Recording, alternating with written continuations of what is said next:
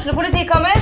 Ine Jansen er purk. Er du purk? The motherfucking bitch. Alt jeg vil, er å finne ut hva som skjedde med mannen min. Jon Carew. Er jeg sikta for noe? Iben Akeli. Det er du. Ole So, Lars Berrum og Big Daddy Karsten. Hvem sin side er du på, egentlig? Anette Hoff, Tone Danielsen, Kommer du fra Afrika? Jørnis Josef, Nesten. Kløfta. Trond Espen Seim, Det er synd å si det, men det var feil mann som døde. Purk. Premiere tirsdag på TV2 Play.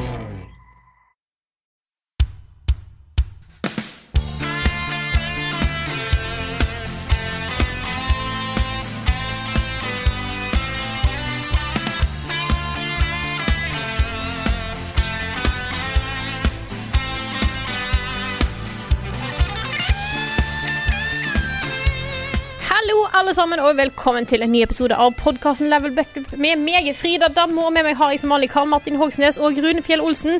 I dag ikke, ikke live. Eh, men eh, fortsatt, fortsatt bra podkast, håper vi. Så hallo, Jeg folkens. håper det. Hallo. Den forrige var jo ikke live, den heller, hvis du hørte på den etterpå. Nei. Nei, det er sant. Og det, hvis du hørte på den etterpå, så er denne like live som den var. På en måte, ja. Ja. Men mindre fra tilt. Ja. Det Da kan sant. vi være, Men, da kan vi eh, hvert være enige om. Men Tilcast 2.0 var jo innmari vellykka arrangement. Kjempehyggelig, altså. Det var altså Det var så det. koselig. Mm. Jeg frykta jo litt at det skulle bli en veldig Jeg tenkte først i for- forkant bare OK, det er mange podkaster, dette blir en lang dag. Men det var altså så mye eh, Altså, vi har så mye gode podkaster i Norge. Herregud. Mm. Så det var jo bare Det var bare kos fra ende til annen. Ja. Mm. Det var det. Og så var jo Oslo Street Food var like rundt i hjørnet, så det var, det var en fin ting. Det var ikke så dumt, da. Og ja, så jeg, jeg tror det hjalp at, at podkastene var litt korte også. Ja. At ikke, det var liksom, også at ikke alle fikk to timer, f.eks.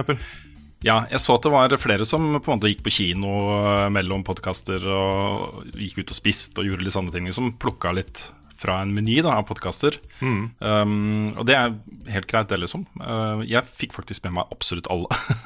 ikke, ikke hele av alle, Fordi på et tidspunkt så var vi ute og spiste. Men jeg hadde egentlig tenkt å gå hjem og legge meg, for jeg var så trøtt. Uh, ja. Men jeg ble sittende til, uh, til helt til slutt. Og det var en uh, herlig opplevelse, altså. Hva har du spilt?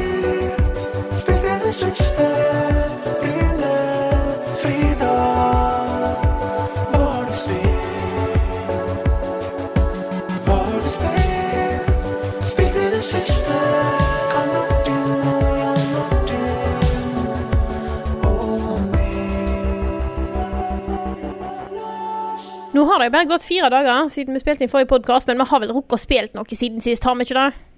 Jo, vi har jo det. Jo. Ja. Ikke Ja. så mye, men litt. Du hørtes veldig skeptisk ut, Rune. Jeg, jeg kan jo begynne, fordi eh, jeg fortsetter jo på Shadowkeep. eh, Destiny 2. Nå har jeg eh, ikke helt fullført, men jeg har spilt helt til og med siste bossfight da, i det raidet. Eh, jeg vil bare si at det raidet er så pent å se på. Eh, og så er det også, vil jeg si, da, kanskje den, det letteste raidet rent mekanisk i Destinys historie. Jeg tror det vil være lett for folk å komme inn her og faktisk fullføre det Uh, og ha det gøy. da jeg syns det var et innmari morsomt raid. Det har nok ikke like lang levetid som de litt mer kompliserte greiene hvor du må skyte øynene til Riven og sånne ting, liksom. Men uh, innmari artig. Eh, veldig artig raid, og- raid, og ikke minst utrolig pent å se på. Så grunnen til at jeg fortsatt øh, spiller der og får med meg endgame-ting, er jo at jeg skal jo anmelde dette spillet. Ikke bare for oss, men for gamer også. Ja, Så, så det blir første gang på gudene vet hvor lenge hvor jeg skriver en faktisk tekstanmeldelse av et spill. Så det blir jo for så vidt noenlunde det samme manuset som til videoanmeldelsen, da. Men uh, uh, jeg må jo tenke litt på hvordan jeg skal ordlegge meg, liksom. Fordi det skal leses også. Ja. Så, så det blir interessant.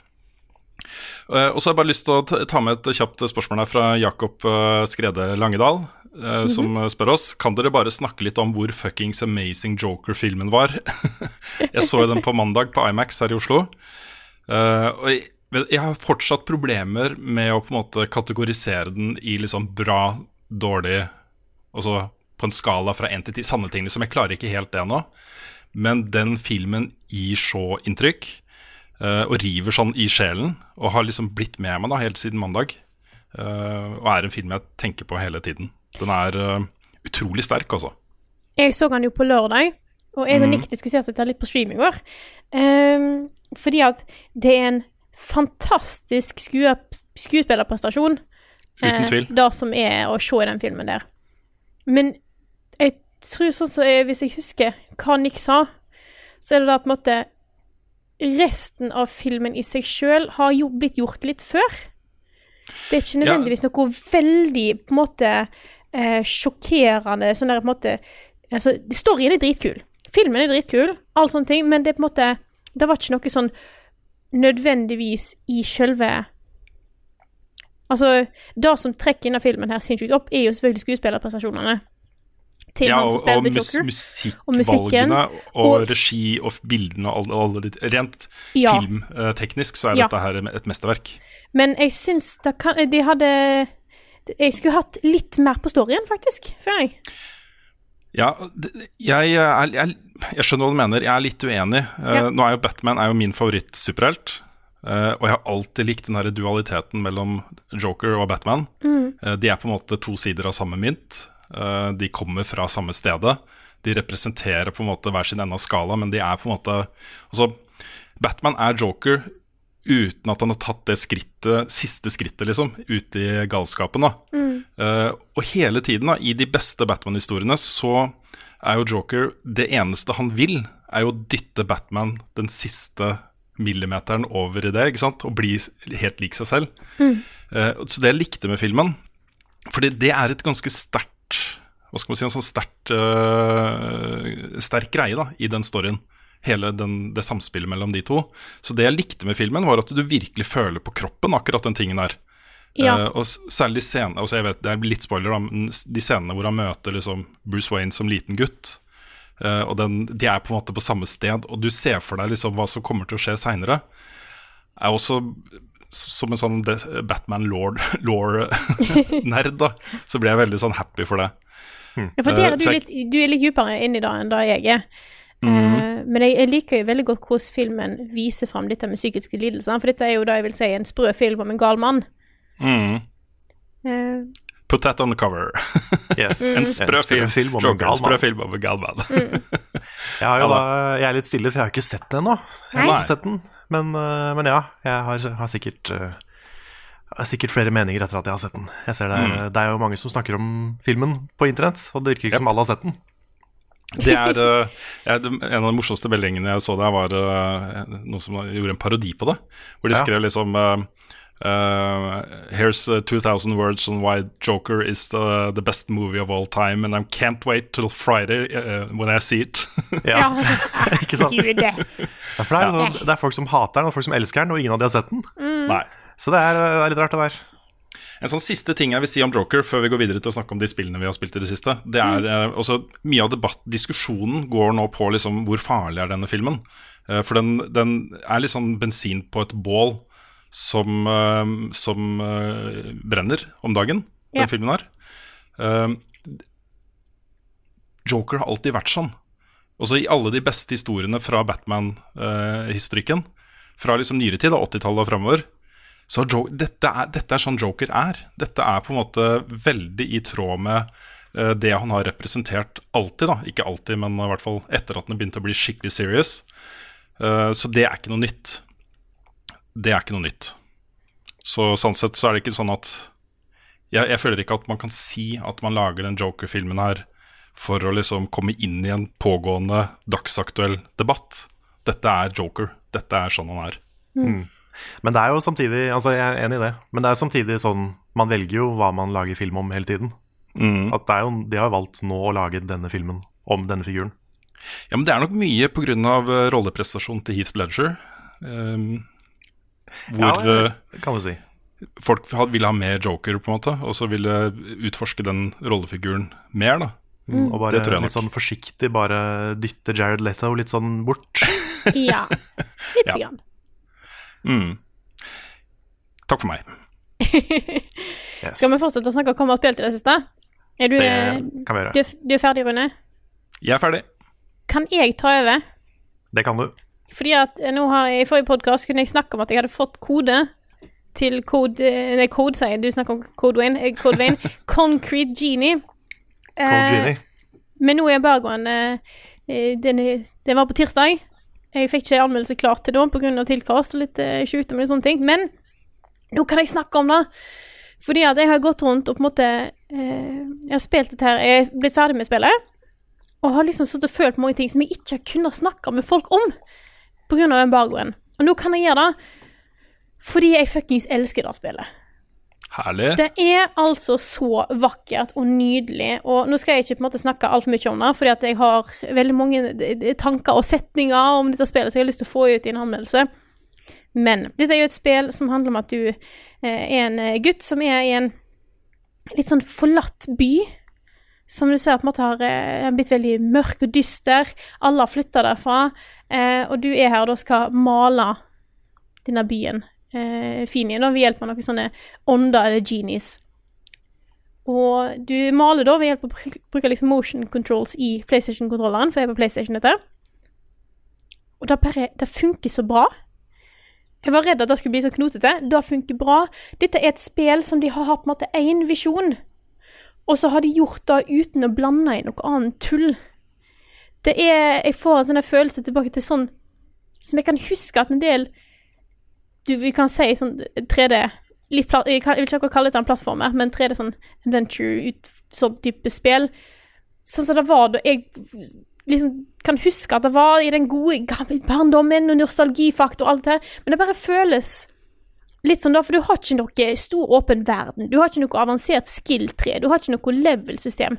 Det er bare liksom Den ideen de hadde, har de klart å liksom kondensere ned til dette spillet her, og ikke kaste inn noe annet tull. Og det er så kos å bare gå rundt her og finne at å, her var det en litt tom vegg. La meg male litt på den. Og de har fått et veldig bra sånn malesystem der du på en måte velger om du skal male den, den type blomster eller trær eller sånne ting. Det er veldig sånn naturretta, dette her, da. Og så på en måte sier jeg bare ok, jeg skal bare lage en strek, og da plutselig bare dukker det opp en blom med en bakke, og så er det på en måte Det, det er så mye Uansett hva jeg gjør, uansett hvor klønete jeg er, så ser alt fint ut. Og alle disse maleriene blir jo lagra, så når jeg går rundt, rundt omkring i den byen her, så er alle de der fortsatt. Og så er det en fin historie oppå det i tillegg. Veldig glad i å spille det. Det høres veldig bra ut, det spillet der, Frida. Nå fikk jeg ekstremt lyst til å spille det sjøl også. Jeg tror dette er noe som du kunne hatt gøy om å spille med, kanskje med ungene òg. Mm, det er tanken måte- streifet meg. Mm, fordi det er òg på eh, Det er tekster på norsk. Ah, kult. Mm. Og så er det vel eh, greit å nevne at det er PlayStation 4 exclusive. Det er eksklusiv. Eh, Det stemmer. Nei, Det men jeg er er- veldig, veldig nysgjerrig på det. Jeg skal spille det. Mm. Det er ikke så langt. Eh, anbefales veldig, veldig, veldig. Håper på å få klar anmeldelsen der i løpet av helga. Så eh, ja, det jeg, jeg vil ikke si på en måte For jeg vil ikke snakke altfor mye nå. Jeg vil spare litt anmeldelsen, men eh, det er veldig vakkert. Det er et vakkert spill i alle ord, og- ordet, alle, ja, ordets fulle forstand. Både i liksom visuelt og historiemessig og musikalsk og alt. Takk for meg. Jo, altså, jeg har spilt mye mes Mystic Messenger. Jesus fucking Christ, jeg havna på det kjøret. Så jæklig. Men nå er jeg snart ferdig. Nå bestemte jeg meg for at jeg skulle ta en eh, rute til. Jeg har tatt en del av disse bad-endingene som jeg ikke har hatt før. Eh, du spurte meg på Tiltcast, Karl, Carl, om det er liksom at bad-endingene er skikkelig bad, at noen dør og sånt. Mm. Da er de ikke. Men i den ene så ble jeg kidnappa og drugga ned av en religiøs kult. Oi, Ja. For meg. det er ganske bad. Så det Plutselig så ble det Erica. Bare at Nei, det Ja. Mm. Så da, så da Men nå har jeg på en måte, når jeg er på siste runde, har jeg bare på en måte bare sånn en liten sånn seiersrunde til slutt. Uh, så den er jeg på nest siste dag nå, siste dagen i morgen. Jeg spilte litt på toget, fordi at jeg måtte ha noe å gjøre på toget, og så uh, har jeg liksom Du, du sendte meg et bilde på Snapchat hvor Ja. det var liksom to vanlige svar, og så hva var det tredje svaret? Et Ja, det er det som er finner.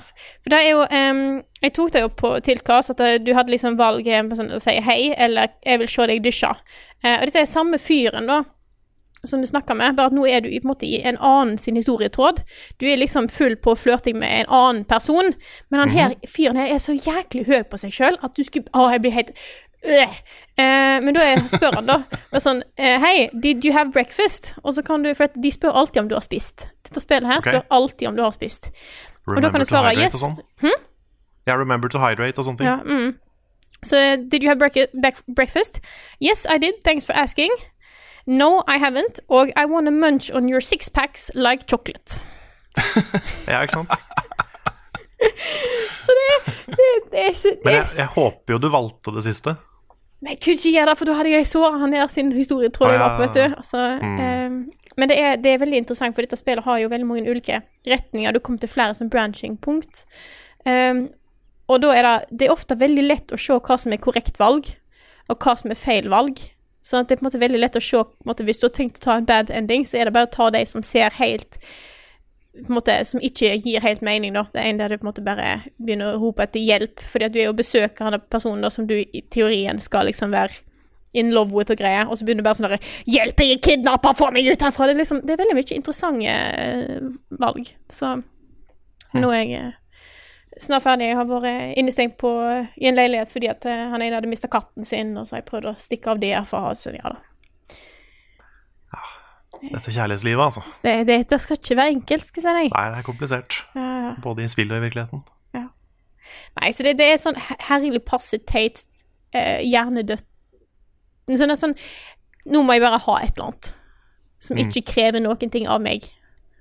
Eh, og nå har jeg liksom tatt, tatt det jeg ikke hadde tatt, eller en del av det jeg ikke hadde tatt. Bare sånn Sånn at jeg får hele, hele historien og sånne ting nå, da. Så nå føler jeg meg egentlig ferdig, i hvert fall for now.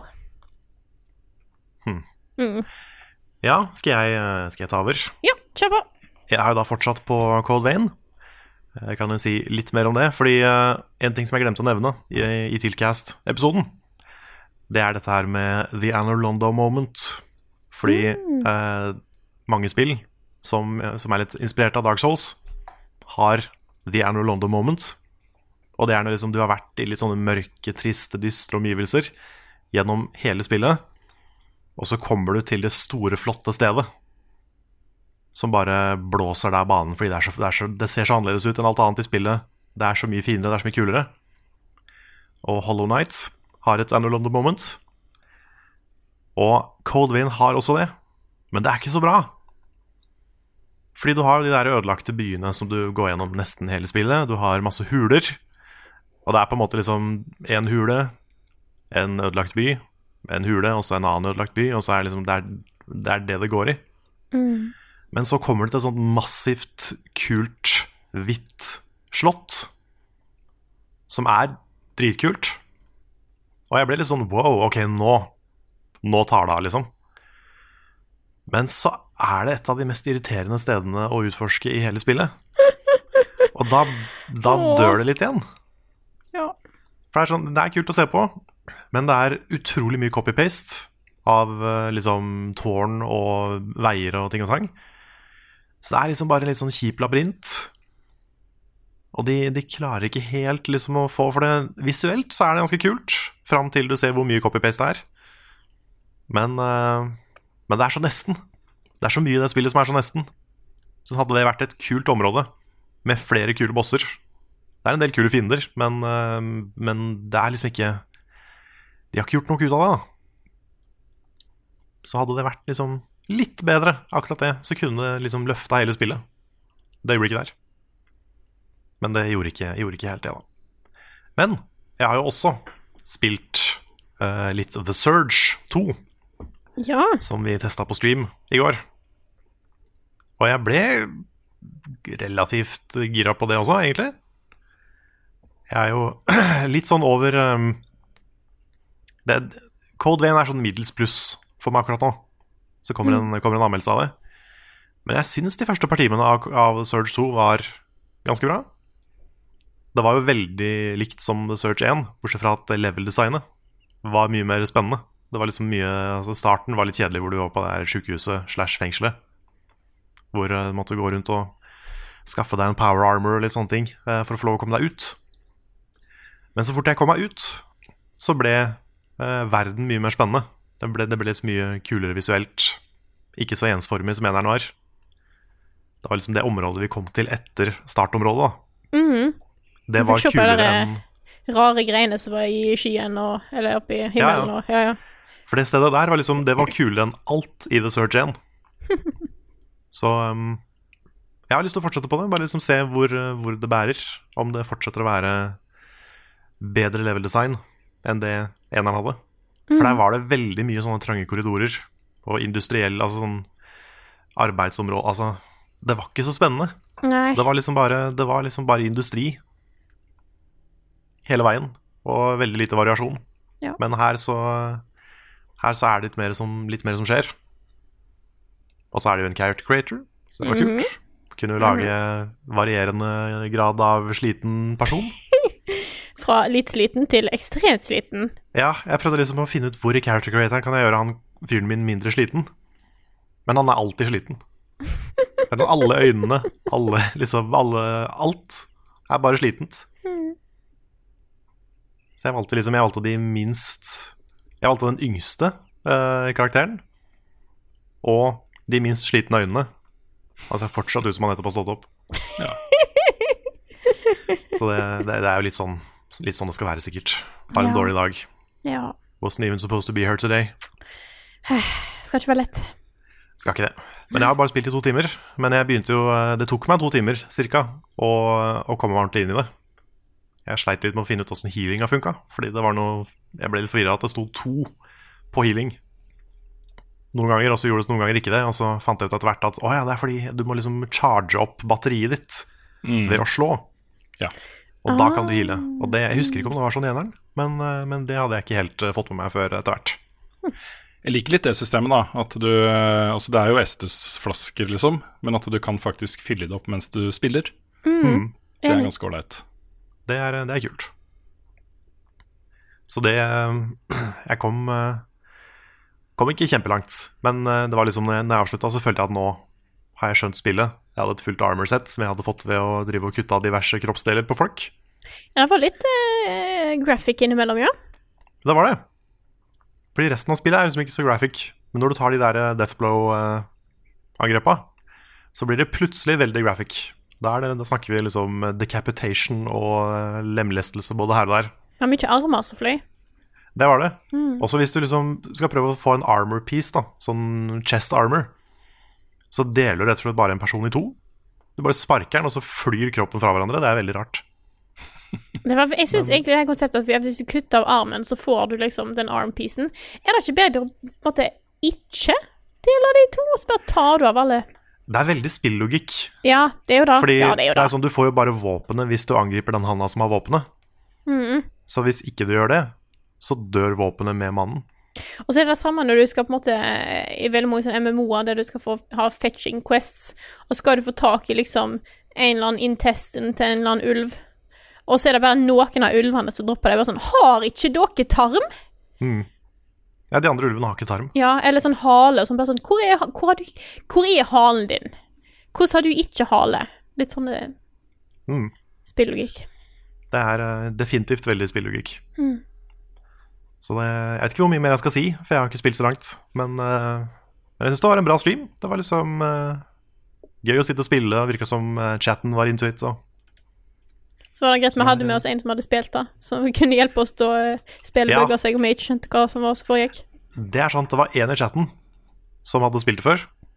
Og han skjønte at grunnen til at ikke jeg kom meg videre, var fordi spillet hadde bugga seg. Og hvis ikke jeg hadde visst det, så hadde, da hadde jeg kanskje vært stuck der en stund. Ja. Så det var, det var bra noen sa fra om.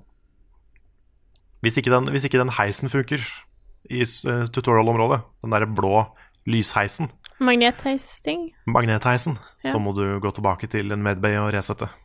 Da er det en mobb som har satt seg fast en plass. Ja, pro tip. Så ikke, det er ikke du som er dum hvis ikke du finner fram. Ukens anbefaling. Hva skal jeg på? Ukens anbefaling. Hva skal jeg? Ukens anbefaling. Hva skal jeg finne på? Ukens anbefaling. Hva skal jeg finne på? Nå er vi tilbake til det vanlige, så da er det bare én av oss som skal komme med anbefaling hver uke. Så nå er det Carl som sitter klar. Det gjør jeg. Ja. Og jeg har til og med bare én en- anbefaling. Ja, det er ikke én anbefaling pluss liksom et par-tre underpunkter og så en anbefaling til på toppen av det. Nei, Nei. det er, dette er ikke TV-serieanbefaling med Rune Fjell Olsen. dette, er, eh, dette, er en, dette er en liten uh, anbefaling. Du anbefaler jeg- bare litt? Nei, jeg anbefaler Nei, den veldig. Okay, Men det er en, okay. en liten, sånn liten ting å Ja, anbefale. Ja, mm. Eh, Og det er også en ting som kanskje vil gå litt imot verdiene til noen som hører på. Mm. Fordi eh, det er jo veldig sånn eh, sterke meninger om når det er greit å spise ting som har med jul å gjøre, og sånn. Og, det er, og vi er jo bare i oktober, ikke sant? Så jeg innser at det kanskje er litt kontroversielt, dette her. Men den er ny nå. Den har kommet i butikkene nå. Jeg har aldri sett det før, så jeg måtte prøve. Og det er derfor jeg skal anbefale det. Og det er, Ok. hold dere fast, Freia melkesjokolade med pepperkakesmak. Uh, what? Okay. Det fant jeg på Rema, og bare så litt på det. Det var liksom, det var bilde av pepperkaker på Jeg tenkte liksom, ok, er det bare sånn juleinnpakning? Nei, det er pepperkakesmak. Så jeg måtte kjøpe det. Og så prøvde jeg det. Og det smaker sjokolade og pepperkake samtidig. Og det smaker skikkelig pepperkake på en veldig god måte. Det er sånn jeg hadde lyst til å ta, putte melis på det, men det kan du ikke, for det er en sjokolade. Men det var Det, det, det funka dritbra. Pepperkake og Melis sjokolade. pynte med Hæ? Ta på melisgreier, ta på melisgreier og så pynte med Nonstop og Seimen. Ja, ja, ja. Du, dette her, Ja. dette er bare Fordi at Husker dere i fjor så var det at du skulle bygge sånn der sjokoladehus? Og Freya som at du skulle bygge pepperkakehus i med, veldig mye anførselstegn her, Mm. av melkesjokoladeplate. Ja, stemmer det. Dette er next level. Nå er Freya klar til å lage sjokoladepepperkakehus. Ja. Hva blir det neste i flørten mellom sjokolade og pepperkake? Ja, sant. Men det, den er seriøst veldig, veldig god. Og jeg er jo litt redd nå for at den kommer til å forsvinne fra butikken igjen så fort det ikke er jul lenger. Men, eh, men den er kjempegod. For hamstre, da, vet du, Carl. Ja, kanskje jeg skal gjøre det. Mm. Pepperkakor holder seg jo Enten- lenge, så den holder seg sikkert lenge da nå. Ja, enten før jul, eller så gambler du på at det er såpass mange igjen at det kommer på halv pris etter jul. Ah. Ja, Men da er det dumt at jeg anbefaler den nå, Fordi da kommer folk til å kjøpe den. Ja. Mm. Vi Kanskje jeg trekke skulle tilbake bare anmeldelsen? ja, kanskje, kanskje, jeg skal, kanskje jeg skal bare si 'ikke kjøp, den smaker dritt'. Ja. Så kan, bare, så kan jeg kjøpe alle på tilbud når det, er, når det ikke er jul lenger. Fordi at du har påvirkningskraft for hele Norges kjøpe, kjøpemasse. Ja ja. Altså, Man, må, man må sikte høyt. Ja. Det, dette er en podkast for alle. Også de som ikke er interessert i spill i det hele tatt. Men spørsmålet mitt er litt her nå, for nå er, nå er jeg ikke bare kritisk for å være kritisk her. Nå er det jeg som lurer på Er det, er det verdt å kjøpe den, eller bare kjøpe en vanlig sjokolade og spise pepperkake i tillegg? Nei, du får jo Jeg tenker dette her er noe man kjøper for opplevelsen først. Ja, OK. Ikke sant? For det å oppleve en sjokolade som også er en pepperkake. Fordi det var litt sånn jeg følte med den der eh, sjokoladen med sørlandschips. Det var som å ta en bit sjokolade og kaste noen chips i munnen samtidig. Da Ja, følte jeg den- var litt sånn unødvendig. Ja, den liker ikke jeg heller. Nei. Men jeg, jeg er veldig glad i Kvikk Lunsj. Ja. Men jeg kjøper ikke den der Kvikk Lunsj platesjokoladen. Fordi jeg får litt samme problemet. At Ja. liksom, det, det virker som det bare har smuldra noe Kvikk Lunsj oppi. Og da vil jeg heller bare spise. Kvikk Lunsj. Ja. Nei, dette her er den første sånn, kom, altså sånn kombo av to ting. Sjokoladen. Som har funka dritbra for meg. Hmm. Så det, jeg syns både pepperkaka og sjokoladen blir bedre at begge er der. OK. Så det Så- er mitt, mitt motsvar. Så når har en lov til å kjøpe og spise dette her? Dette er min, dette er min mening, da. Mhm. Dette er min, min hot take. Jeg, jeg er enig i at det er tidlig å liksom ta inn juletre i oktober. Og jeg er enig i at man ikke skal pynte til jul før det faktisk er jul, liksom. Den, den, den er jeg også med på. Men når du har lyst på noe godt å spise, bare ta deg noe godt å spise. Uansett hva det er for noe. Enig. Mm. Når det kommer julebrus i butikken, så kjøper jeg julebrus. Kan folk se si hva de vil. Det er god brus. Hvis jeg har lyst på julebrus, Ja. så blir det julebrus. Og sånn Freia sånn nissepose. Du får det Sånn bare kan- noen måneder i året. Ja, så du kan få de, de, de sjokoladekulene, er det det som er Ja, det er sånne Ja. halvfylte sjokoladekuler. Og det er bare fylt med mer sjokolade. Og det er bare rein sjokolade. Ja. Men de er så gode, jeg vet ikke hvorfor.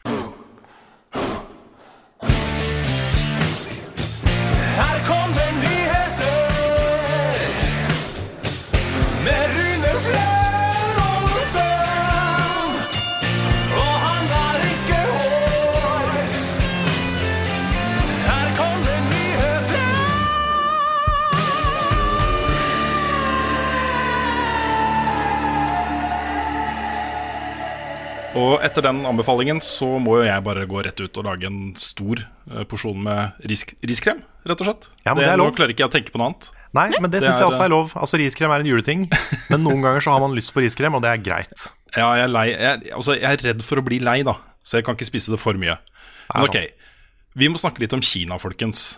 Fordi um, det her Denne saken her, den vokser jo for hvert minutt som går, på en måte. Altså den, uh, innen den podkasten her kommer ut i morgen, så har det sikkert skjedd masse ting som vi ikke får snakke om nå. Uh, men vi må allikevel snakke om det. Og vi må ta noen forbehold, for det er ikke alt som er uh, verified information her. Men det vi vet, er at um, Hearthstone-spilleren Chung Blitz-Chung, og så klarer jeg ikke Jeg har ikke anelse om hvordan jeg uttaler etternavnet hans. NGWAI. Det, det vet jeg ikke. Ja, NG, mellomrom, WAI. Nei. Okay. Nei. Nei, den er tricky. Nei, I et intervju da så uttrykte han støtte for uh, demonstrantene i Hongkong, som jo uh, protesterer mot uh, økt involvering fra Kina. Blant annet så, um, så vil det nå være mulig Altså, mainland China ønsker jo muligheten til å få borgere utlevert fra Hongkong til mainline mainland China. Altså at det, de kan bestemme over hvem som skal bo der. og sånne Det er masse Mm, greier. Jeg har ikke satt meg helt inn i det. Men det er en stor, komplisert sak som pågår nå. Og uh, Blitzchung han uttrykte da støtte for Hongkong-demonstrantene. hvorpå han da ble umiddelbart uh, bannlyst fra Hearthstone-turneringer i var det to år? Ett år? Jeg tror det var, lurer på om det var to år. Da husker jeg ikke.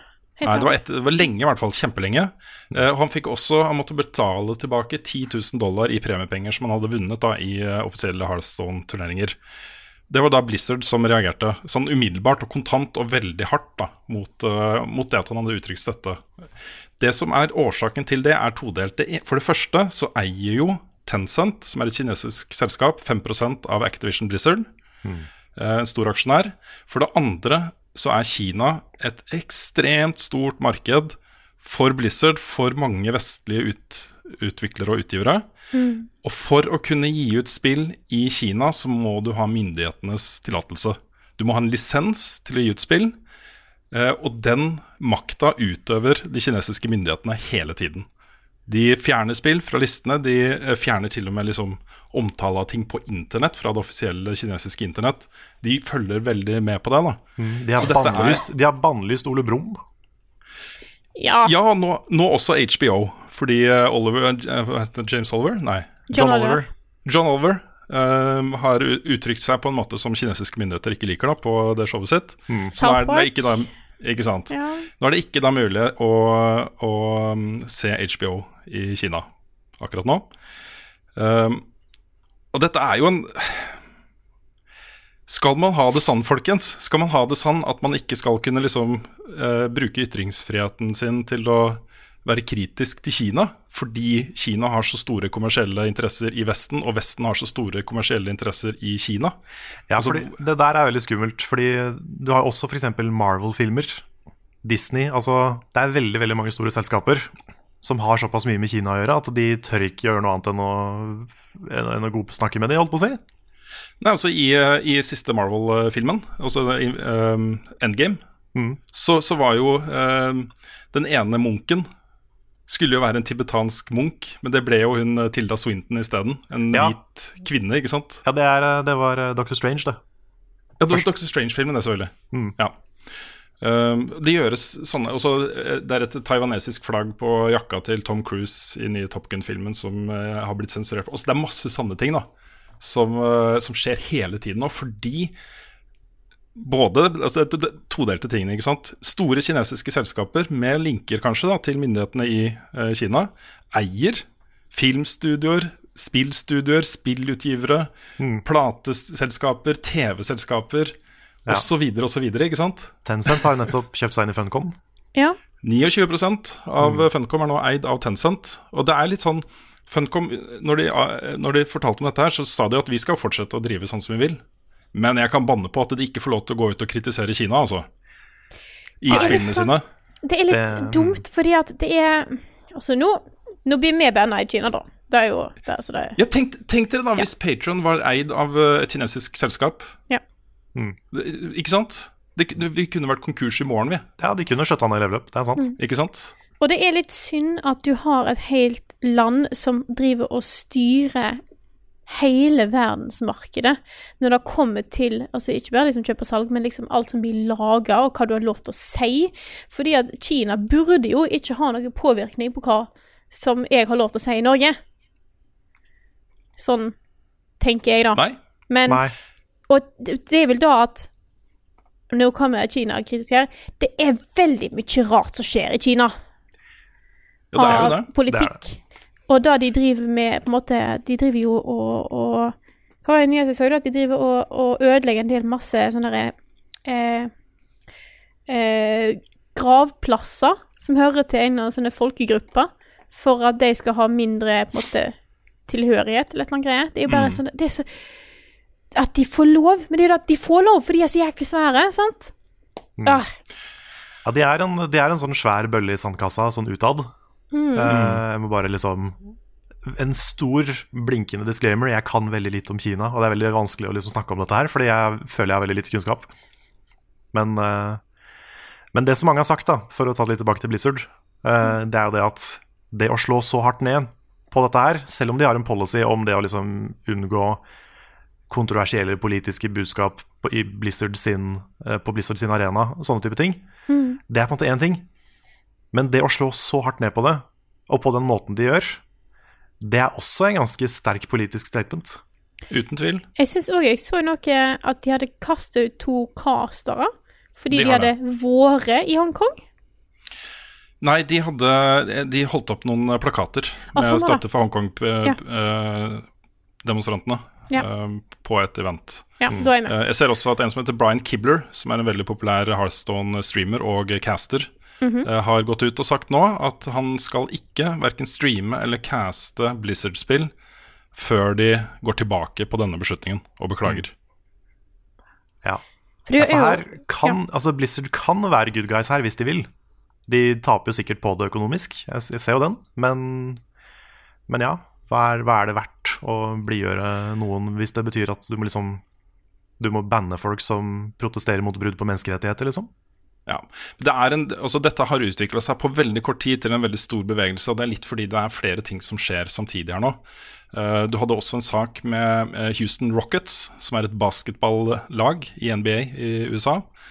eh, hvor general manager der, Daryl Morey, uttrykte støtte for demonstrantene i Hongkong.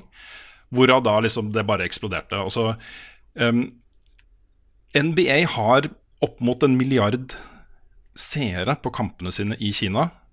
Og nå får ikke, Kina, altså nå får ikke Houston Rocket vise sine kamper i Kina. Og alle de annonseinntektene og, uh, kutt av salg og sånne ting som de mister fra det. da Eh, Fordi han uttrykte støtte for demonstrantene. Og så var det sånn at de over han igjen i NBA-systemet Først så tok de liksom sterk avstand fra det han sa, og sa liksom han burde ha latt være. Eh, Og så etter masse protester så kom de, rodde de seg tilbake og sa liksom Ja, skal, det var dumt at vi sa det, liksom. Um, folk protesterer. Jeg så, Dette her er ikke bekrefta, jeg bare så det på, på Reddit. Eh, Folk som hadde prøvd å slette altså Det er en kampanje nå, en, uh, å, slette kontoen sin hos Blizzard. Um, det var noen som vi posta screenshots av at alle fire authentication-systemene til Blizzard var nå disabla, sånn at folk ikke klarte å slette kontoen sin. Det er sikkert utrolig mange som har prøvd. Jeg vet ikke om det er Blizzard sier sikkert at systemene krasja fordi det var så mange Jeg vet ikke. Men Jeg så ikke. det var flere som posta screenshots i den samme tråden. At det var mange som hadde samme problemet. Ja, ikke sant. Eh, det har vært walkout hos Blizzard. Uh, en del ansatte som gikk ut. Og uh, foran hovedkontoret til Blizzard så er det jo en sånn eh, statue av en ork. Og rundt der så står det masse sånne slogans som skal liksom representere Blizzard som selskap. Hvor de hadde da liksom tatt papirlapper over de tingene som handler om liksom ytringsfrihet og uh, likhet for alle og sånne ting, liksom. Um, dette her er i ferd med å utvikle seg til å bli en veldig stor sak. May i Overwatch har blitt et symbol for Hongkong-demonstrantene. Det er liksom det er blitt en kjempeting, da. Um, og dette her tror jeg kommer til å spre seg veldig uh, og inkludere mye. Veldig mye av det som foregår eh, med kinesisk involvering på, eh, i vestlig underholdning. Eh, du ser f.eks. massevis, massevis av selskaper som måtte gå ut og beklage fordi de omtaler Taiwan som et eget land, og ikke som Taiwan-Kina, liksom. Ja. Hele tiden. Du ser det hele tiden. Dette kommer det til å bli mye, mye snakk om i tiden framover. Det er jeg helt sikker på, altså. Fordi jeg, Hadde jeg jobbet i Funcom da, og visst dette her, og visst at hvis jeg på min private Twitter-konto uttrykker støtte for demonstrantene i Hongkong, eller misnøye med noe Kina gjør, eller kritikk av noe Kina gjør, så kunne jeg få sparken, liksom. Og så jeg, jeg kunne miste jobben min. og så det, det presset det legger på folk, da. Um, og den eh, frarøvelsen av ytringsfrihet som det representerer, er jo ganske absurd, syns jeg. Ja, og dette her er jo en sak hvor det med ytringsfrihet er veldig relevant. Fordi dette er jo Han er blitt banna for det å støtte en sak som er en menneskerettighetssak. Absolutt. Det er jo ikke, han har jo ikke blitt banna for å være kjip rasist, noe sånt. For da hadde jeg hatt null problem med å forstå det. Men dette er jo 100% en reell sak som mange kjemper for, som er Altså, det, det er jo ikke hat på noe som helst måte. Nei, det er ikke det. Um, og det er jo et bilde som danner seg nå av en kinesisk uh, stat som gjør det de kan for å styre uh, folkeopinionen om staten Kina i resten av verden. Men spørsmålet er hva kan en gjøre for å hindre dette her? Fordi at hvis det ender med at måtte, Blizzard ikke gjør det som Kina vil, og de måtte begynne å, å, å ta liksom grep og på en måte stenge ut spill og sånne ting, så jeg har da veldig, veldig mye store økonomiske eh, Altså det blir veldig store økonomiske tap da, for alle de som velger å gå imot mot Kina. Og da er det ikke alltid så lett for alle bedrifter å bare på en måte stå imot store, store tap av summer. Nei, I tilfelle Activision Blizzard, som ansetter gudene vet hvor mange tusen mennesker, så vil det jo kanskje i praksis bety at mange mister jobben sin. Ja. Hvis, de, hvis de på en måte tar det standpunktet, og da fraskriver seg Kina som marked. Ja. Um, men det er jo en, eh, dette er jo en, i aller høyeste grad en eh, moralsk uh, eh, prinsippdiskusjon. Mm, Skal penga styre alt, liksom? Er det det som skal styre hvordan vi håndterer uh, f.eks. da Kina, eller det kan være hva som helst, regnskogen i Brasil, det kan være hva som helst. da. Ja, for det er ikke helt bra, altså. Nei, det er ikke det i det hele tatt. Det er ikke det. Vi kan gå videre til PlayStation 5, som nå har fått lanseringsvindu julen 2020. Dette er jo da igjen det er merkelig måte de annonser PlayStation 5 på, altså. Med et par sånne, sånne litt sånn. Blogginnlegg? Ja, Ja. det er et Wired, Hmm. Eh, Wired Ja, er store, det de, altså. Men uh, det er ikke noen sånn pressekonferanse eller noe stor uh, unveiling eller noen ting. Det er bare sånn, ja, Snakke litt om PlayStation 5, da, folkens. What? Mm. PlayStation 5? Skal dere lage PlayStation 5? Skal den hete PlayStation 5? Men det, det kommer jo sikkert. Altså den svære PlayStation-pressekonferansen uh, Ja. hvor de avbruker mm. launch-spill og sånn, den kommer jo. Tipper Ja. det. Men, Tipper men det. ja, det er, det, at det dette er det første, er jo litt spesielt, ja. Mm. Ja, det var jo en tidligere i år så kom det også en artikkel i, i Wired om at de jobber med PlayStation 5. Um, det som var nytt nå, var jo litt flere detaljer. da Noen store detaljer som, uh, som er kule. Uh, for å ta de kjapt. Det kommer en 1 terabyte SSD i PlayStation 5. Og det er fett. Det er kjempe... Også, Sony en, Sony omtaler det som en game changer. En 1 terabyte SSD, Ja, ja, det er ganske mye. det er ganske mye. Da Det er kan du installere Ja, jeg kan installere en tre-fire-fem spill eh, på den. Og eh, det går mye kjappere. Kjappere loading osv. osv. Hmm. Det vil være, og dette her, bare hold, hold dere fast, folkens. Dette her er jeg, klarer, Nå klarer ikke jeg å sove i natt, men det vil være raytracing acceleration på GPU-en i PlayStation 5. Yeah. Raytracing, ja. Ray Eh, Det, det, det det betyr er, også Raytracing er så vidt jeg har forstått en bedre Altså en måte å levere bedre og mer naturtro visuelle effekter, også Ja, grafiske altså det er, en, det er vel en sånn I hvert fall Jeg hadde litt om raytracing da jeg studerte animasjon. Og det er en sånn måte å holdt på å si kalkulere skygger og lys og sånn på. Mm. Hvis jeg ikke har misforstått. I hvert fall i, i, min, i mitt animasjonsprogram så var det det. Ja, jeg tror det er det det går på. Og det er mye mer, mye mer eh, virkelighetsnært enn det Mm. enn en alternativet. Kult, kult. Og den kuleste nyheten som dukka opp som en liten nugget av informasjon i Wired-artikkelen, var eh, at håndkontrolleren får en, eh, en upgrade ved at den får adaptive triggers, altså de uh, trigger-knappene foran på kontrolleren, vil det være mulig å f.eks. justere motstanden i. Så det vil si at uh, skal du dra en pil og bue, liksom, så vil du liksom kunne dra den eh, triggeren bakover og føle liksom den med på kroppen. Og ikke minst, eh, en av hovedgrunnen til at folk går ut og kjøper seg sånne eh, custom PlayStation-kontrollere og Xbox-kontrollere, er jo at de har hair triggers. Som betyr at du ikke trenger å trykke den der triggeren helt inn for å skyte et skudd med geværet ditt, f.eks. Det holder bare å tappe på den. Så sånne ting vil det være mulig å gjøre da, med den nye eh, kontrolleren. Men jeg mente, mener du har lest at det også ville være en sånn motor i sjølve altså stikken, kontrollstikken. Ja, det stemmer. Ja, så at du får, du får feedback på f.eks. når du går gjennom forskjellige typer terreng og sånn. da. Yes. Det er også litt, litt spennende. Ja, det er stilig. Ja, den kontrolleren her tror jeg kan bli ganske bra, altså. Og ikke minst eh, at de kjører sin egen HD Rumble, som, eh, Ja. som Switch har brukt i kanskje sånn to spill. Jeg vet ikke. Ikke sant? Mm. Yes, jeg gleder meg til mer informasjon der, og gleder meg ikke minst til å teste den om et års tid. Uh, vi var jo bare veldig veldig kjapt innom Red Dead Redemption 2 uh, i forrige episode. jeg bare tenkte det var en litt morsom ting. Det er, jeg, hadde egentlig ikke tenkt å ha med nyhetssaker, men dette kunne vi jo nevne. ikke sant? Eh, men det kommer da på eh, PC den 5. november.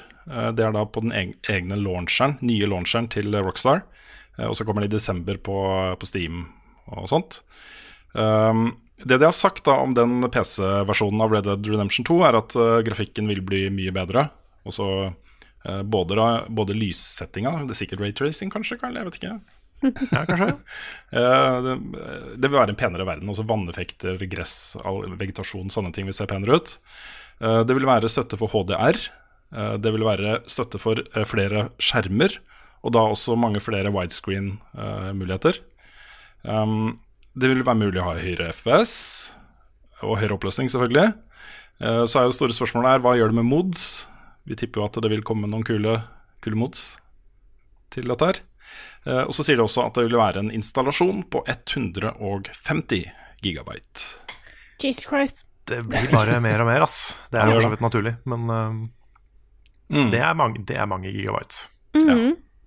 Nei, jeg gleder meg til dette her. Nå er jo da forhåndskjøpet åpna opp, så det er mulig å gå inn og gjøre det. Så nevner jeg også til slutt at Doom Eternal er utsatt til mars 2020. Det skulle jo komme ut nå i november, tror jeg det var. Ja. Um, de trenger mer tid på seg, rett og slett. Men de slapp jo også da uh, litt info om uh, hvorfor uh, det ble utsatt utover liksom at ikke det er helt ferdig ennå. Men de har lyst til å introdusere en del nye modes. Og en av de tingene som de sier vil bli introdusert i spillet etter lansering, ikke til lansering, men etter lansering, er en sånn invasion-modus, hvor du skal da kunne invadere andre spilleres singleplayer-spill som en demon. Det er jo Dark Souls-systemet ikke sant, med invades og sånne ting. Du kan sikkert reservere deg mot å, å få det, men det høres så gøy ut. Ja, det er litt funny. Kommer Rune sin standup på DVD, eller? Det er selvgøy guttenavn. Hva er det vesle karet sitt? Hvilket språk snakker Frida egentlig? Hvorfor er Mario rørlegger? Ja, som vanlig så bare renner det jo inn med spørsmål her, og vi har, en, eh, har eh, massevis, men vi begynner i hvert fall med et eh, fra John Magnus Restad. Han skriver Ser dere noen klar trend i norsk spilljournalistikk om dagen? Tidligere har jo noen større mediehus kutta spilldekninger, med det resultatet at noen av aktørene, inkludert dere sjøl, gikk indie. Men nå satses, satses da tilsynelatende på, på bl.a. e-sport eh, blant større mediehus. Hva retning tror dere vi er på vei, og er det store mediehus som må til for at f.eks. Level Up skal være levedyktige i lengden, eller kan indie-tilværelsen vare evig?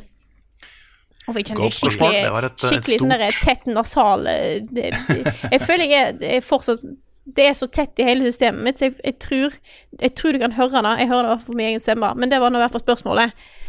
Spilljournalistikken i Norge.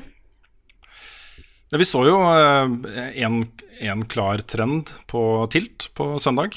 eh, Med masse flotte og etter hvert ganske store podkaster som dekker spill. eh, Med liveshows. Også litt den samme retningen som musikk og artister har tatt. ikke sant? Hvor man er mer hva skal man si, på bølgelengde med fansen. da Med folk som ser på eller hører på. At man gjør ting med de eh, mer. Så, så det er jo en veldig klar trend som starta for lenge siden, og som fortsetter, og som sikkert kommer til å vare en stund. Eh, Ja. Men Jon, Magnus eh, snakker jo også om den e-sportsatsinga til TV 2 som et eh, tegn på at kanskje, kanskje det begynner å skje ting. Eh, vi samarbeider jo med Good Game, som jo jeg vet prøver å få opp en stor eh, både e-sport og kultursatsing på spill. Eh, vi har vært i møter med forskjellige mediehus som eh, helt tydelig signaliserer at eh, spill er noe de har lyst til å gjøre noe på.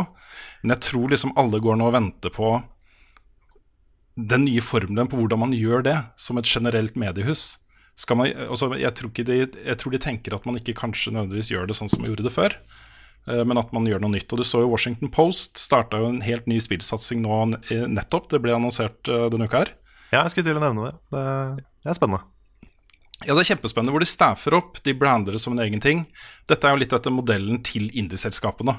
Også hvor man lager sin egen profil rundt det. Man eh, er kanskje mer personlig, mer direkte, eh, mer subjektive, morsommere, eh, mer spenstige da, enn den der tradisjonelle vegg av tekst-tingen som, eh, eh, som det var før.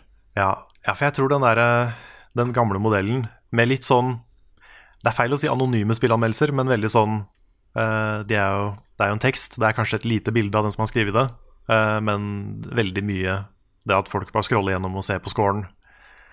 Eh, jeg tror den er nok vanskeligere å få til nå. Mm. Jeg tror det å kjøre litt mer personlighetsstyrte ting, eh, det å kjøre mer Kanskje mer video, jeg vet ikke. Jeg sier ikke det bare fordi vi jobber med video, men, eh, men video er jo engasjerende, liksom. Snapchat stories. Snapchat stories, ja. TikToks.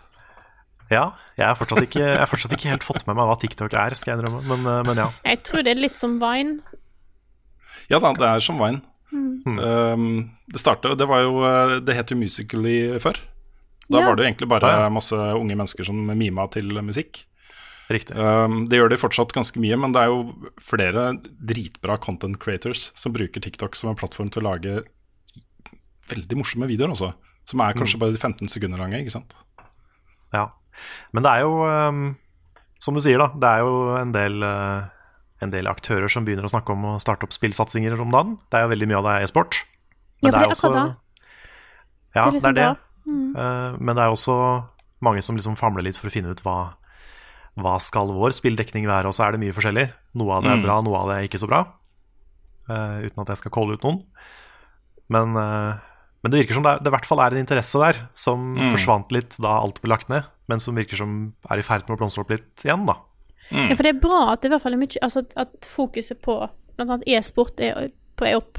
Der tror jeg òg det er litt penger i det miljøet. Det er jo på en måte ikke, det er ikke- noe å, tvile på der.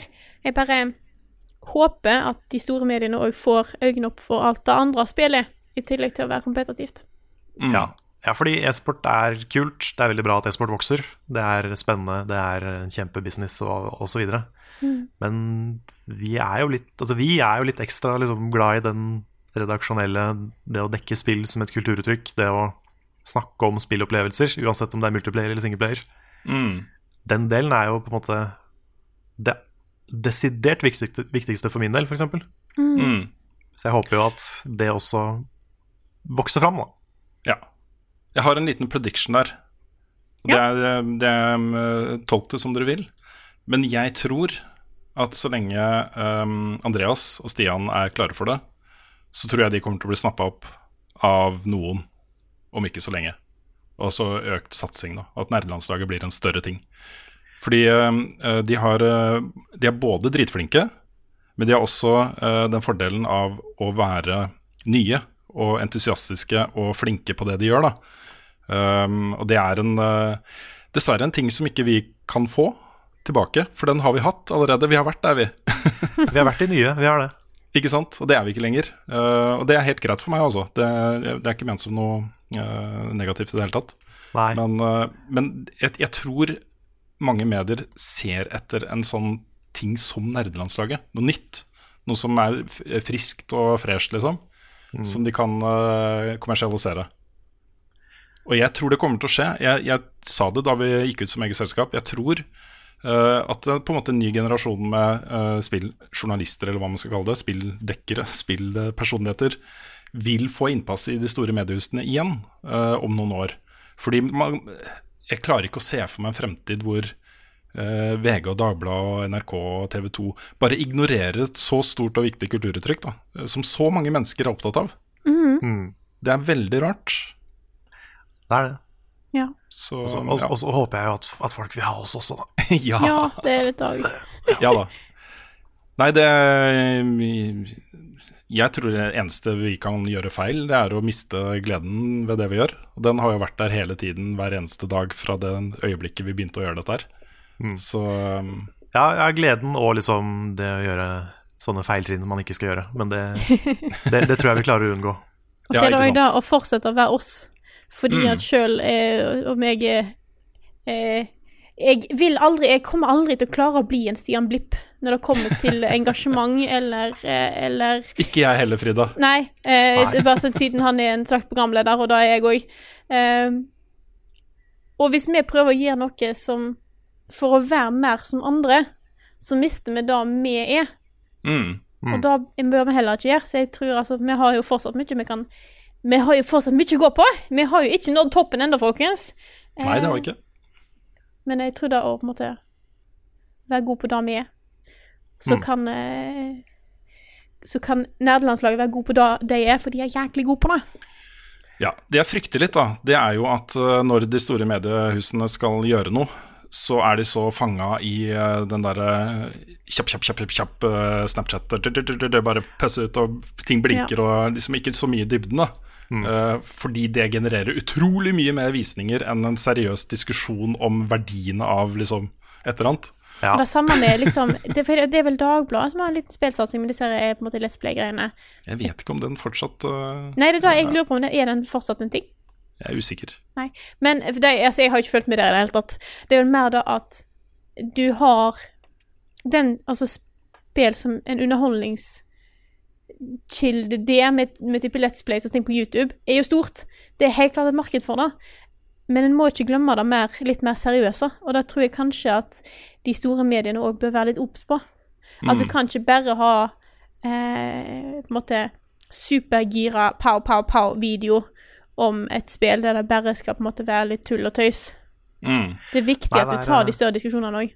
Mm. Altså, det er jo Spilldekning er jo en utrolig sånn brei ting. Du kan liksom Du, du kan uh, lage underholdning, først og fremst. Du kan uh, være veldig entusiastpresse, du kan være litt mer kritisk presse. Du kan liksom Du kan være Du kan dekke spill på utrolig mange måter. Og jeg tror at eh, i dag så er trengs alle. det. Ja, det er rom for Ja. alt, tror jeg i hvert fall. Mm.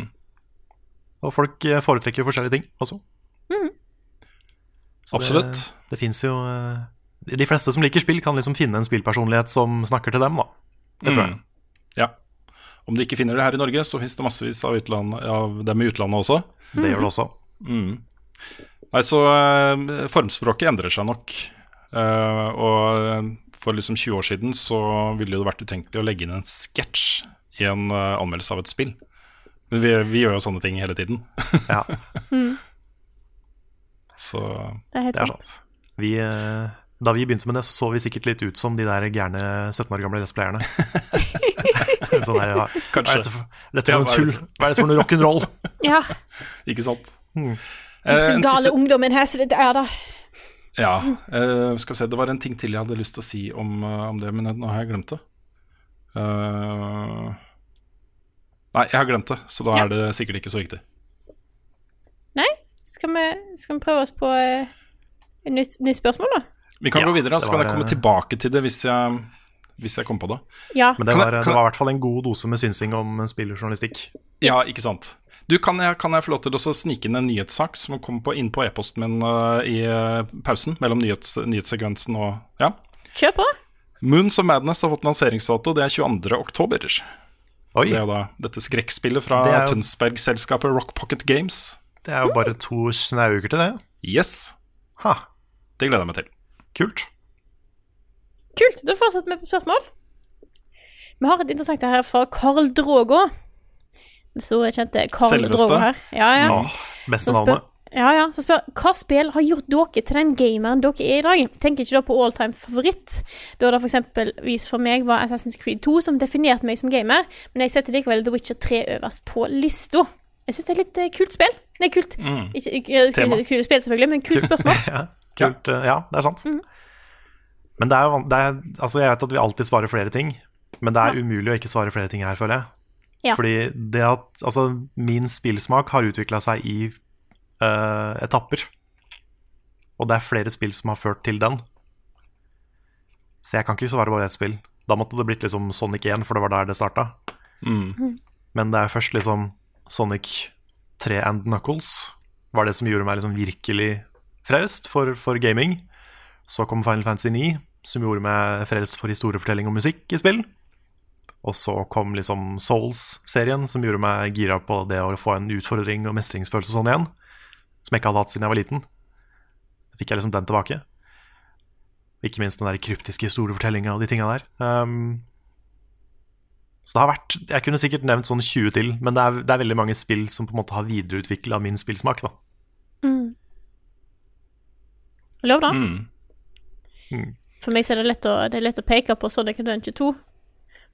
Eh, den kommer nok fortsatt til å stå der, men av andre ting så er det jo eh, De store klassikerne på, på Megadrive, som var noen av de første. Men jeg tror jeg òg vil si Super Mario World.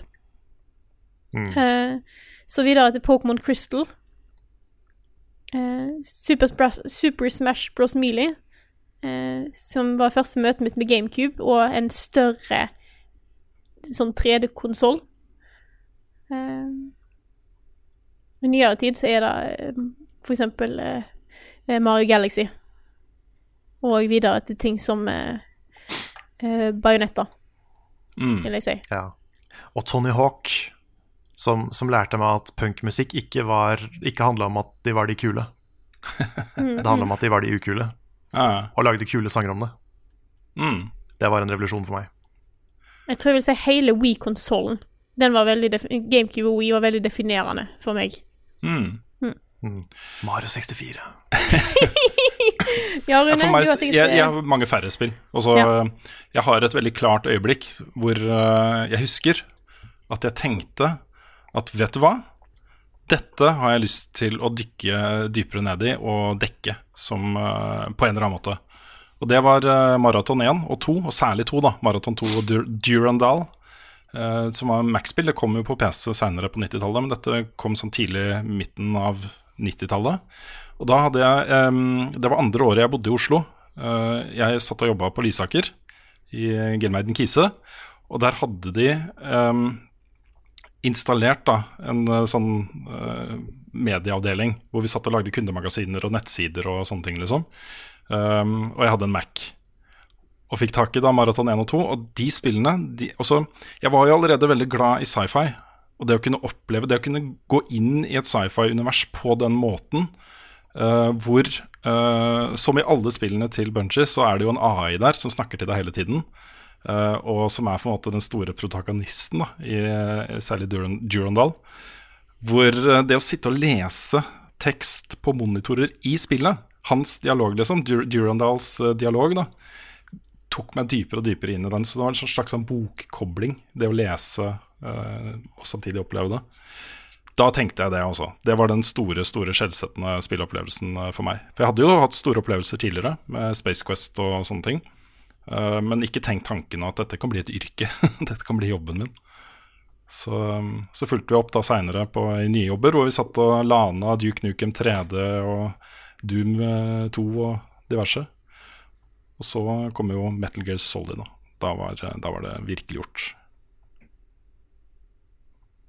Jeg Så det var nok mitt øyeblikk. så må jeg se Pokémon Crystal. Mm. Men det var Jeg tror, ja, jeg tror Pokémon gjorde noe med veldig mange. Altså. Den der, mm. Det var jo for det første veldig veldig mange sin første, eh, sitt første møte med JRPGs. For de er jo liksom fullhjerta japanske rollespill i spillet her. Og det er mange som sier at ikke de liker den sjangeren, men som elsker Pokémon, f.eks. Så det er noe der som har vekka noe i mange, inkludert Mm. meg. Og, og Sims. Sims. ja. Kan jeg få ta et eh, spørsmål? Kjør på. Kjør på. Det er fra selveste Robin Hersthagen, som også vant quizen vår på Tilt. Gratulerer, Robin. Gratulerer, Robin. oss fullstendig. Ja, noe så sabla også. Da gjetta de tallene. Det var eh, Ja, fy fader. Ja, det var eh, Imponerende. talent for å gjette tall, altså. Absolutt. Um, men han har et bra spørsmål også, så det kan jo være premien. da Han fikk jo ikke noe premie på Tilt. Men uh, premien din, Robin, er at du får spørsmålet ditt lest opp på, i podkasten. Ja. Gratulerer.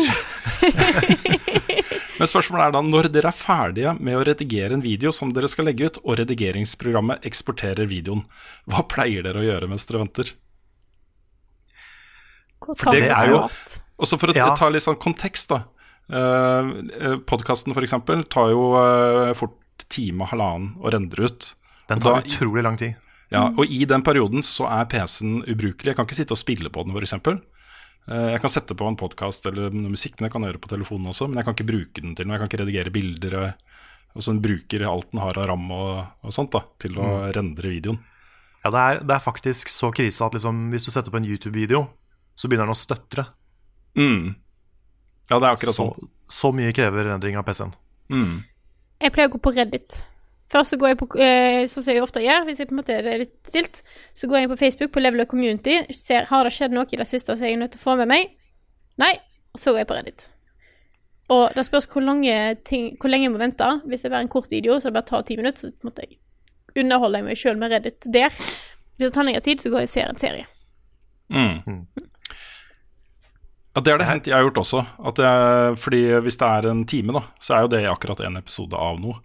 Mm. Um, hvis jeg kan, så skrur jeg på PlayStation og spiller Xboxen da, og spiller noe der. Som hvis det er i jobbsammenheng. Så kan jeg gjøre det. Men jeg kan ikke rekorde video samtidig på den PC-en jeg sitter på. Nei, det går ikke. Nei. Det, det er sant. Jeg tror jeg pleier å enten sette meg og spille noe som ikke jeg trenger video fra, eller uh, sette på en podkast på telefonen og lage mat. Mm. Det er gjerne Ja, sånne jeg, ting. Jeg pleier også ofte å spare lunsjen. Sånn som jeg, Vi rekorder jo spilluka um, i 10-11-tiden. Og når den skal rendres ut, det er jo lunsjtid. Så det passer fint. Podkasten er litt verre, for det har hendt liksom at jeg ikke har rukket å spise lunsj før vi spiller inn podkasten. Og vi gjør det klokka tolv på torsdag. Og sitter ofte et par timer, ikke sant? og da blir klokka to. Og så skal jeg liksom legge inn og redigere lyden, og sånt, sånn at jeg kan begynne å rendre ut en kopi, og så spise lunsj. Da er jo fort klokka liksom tre-halv fire og nesten middag, ikke sant. Ja. Så, nei, men det blir en del fikling på telefonen, altså. Med Imager og Twitter og Reddit og Ja. Jeg var, eh, jeg var jo så klar for å liksom klippe min første anmeldelse på kontoret denne uka her. ja. Og så får jeg en, eh, en sånn utrolig irriterende bug i Premiere. Hvor ikke liksom MP4-filene som OBS har tatt opp, funker. Mm.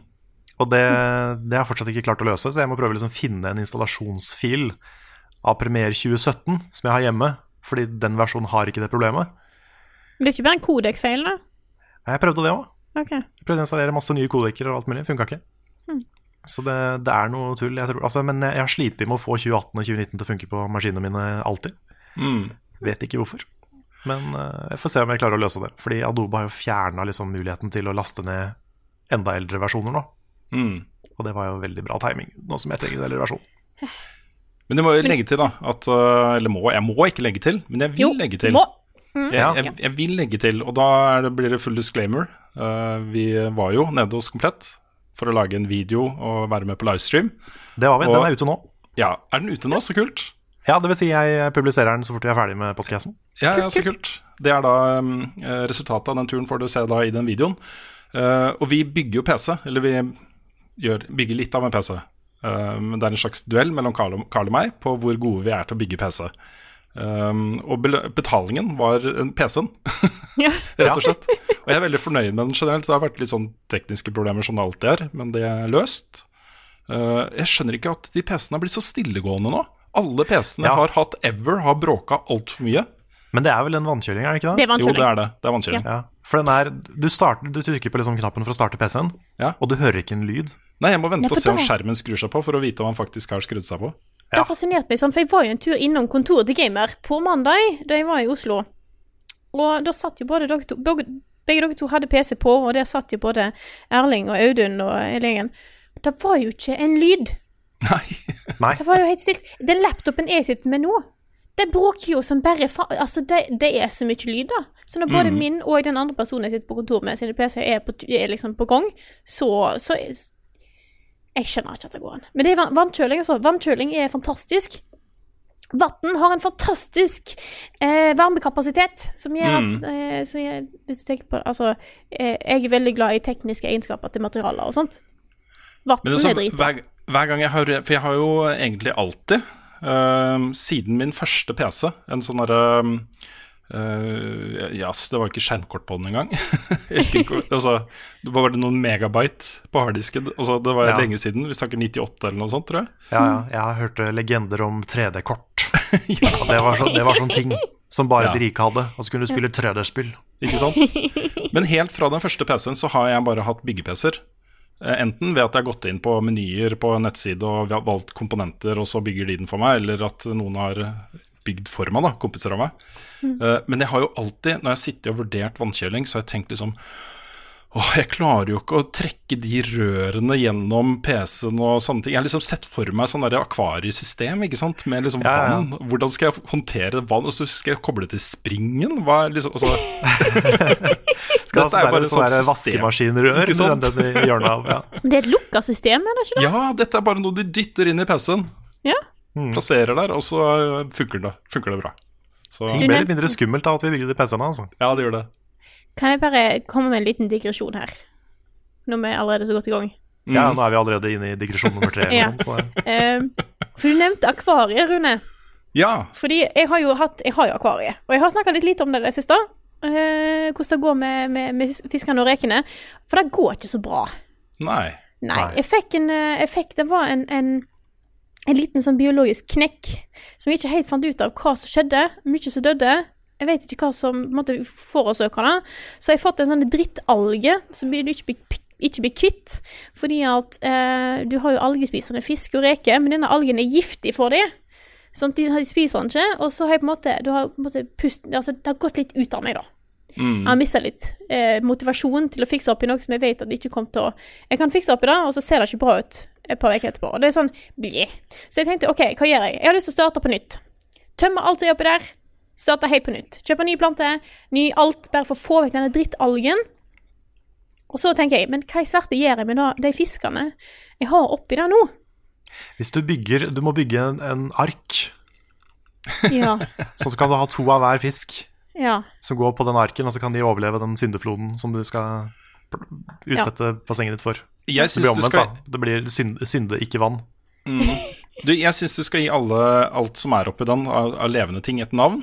Og så skal du sette på et uh, livekamera, og så kan folk bette på hvem som overlever lengst. Ja. Bare Ja. la det gå sin gang, liksom. Ja. Ja, Akvarie Royal. Ja, ja, grunnen til at jeg tar dette, er nemlig at jeg har funnet en løsning. Ok? Eh, og det innebar å kjøpe et nytt akvarie. Ja.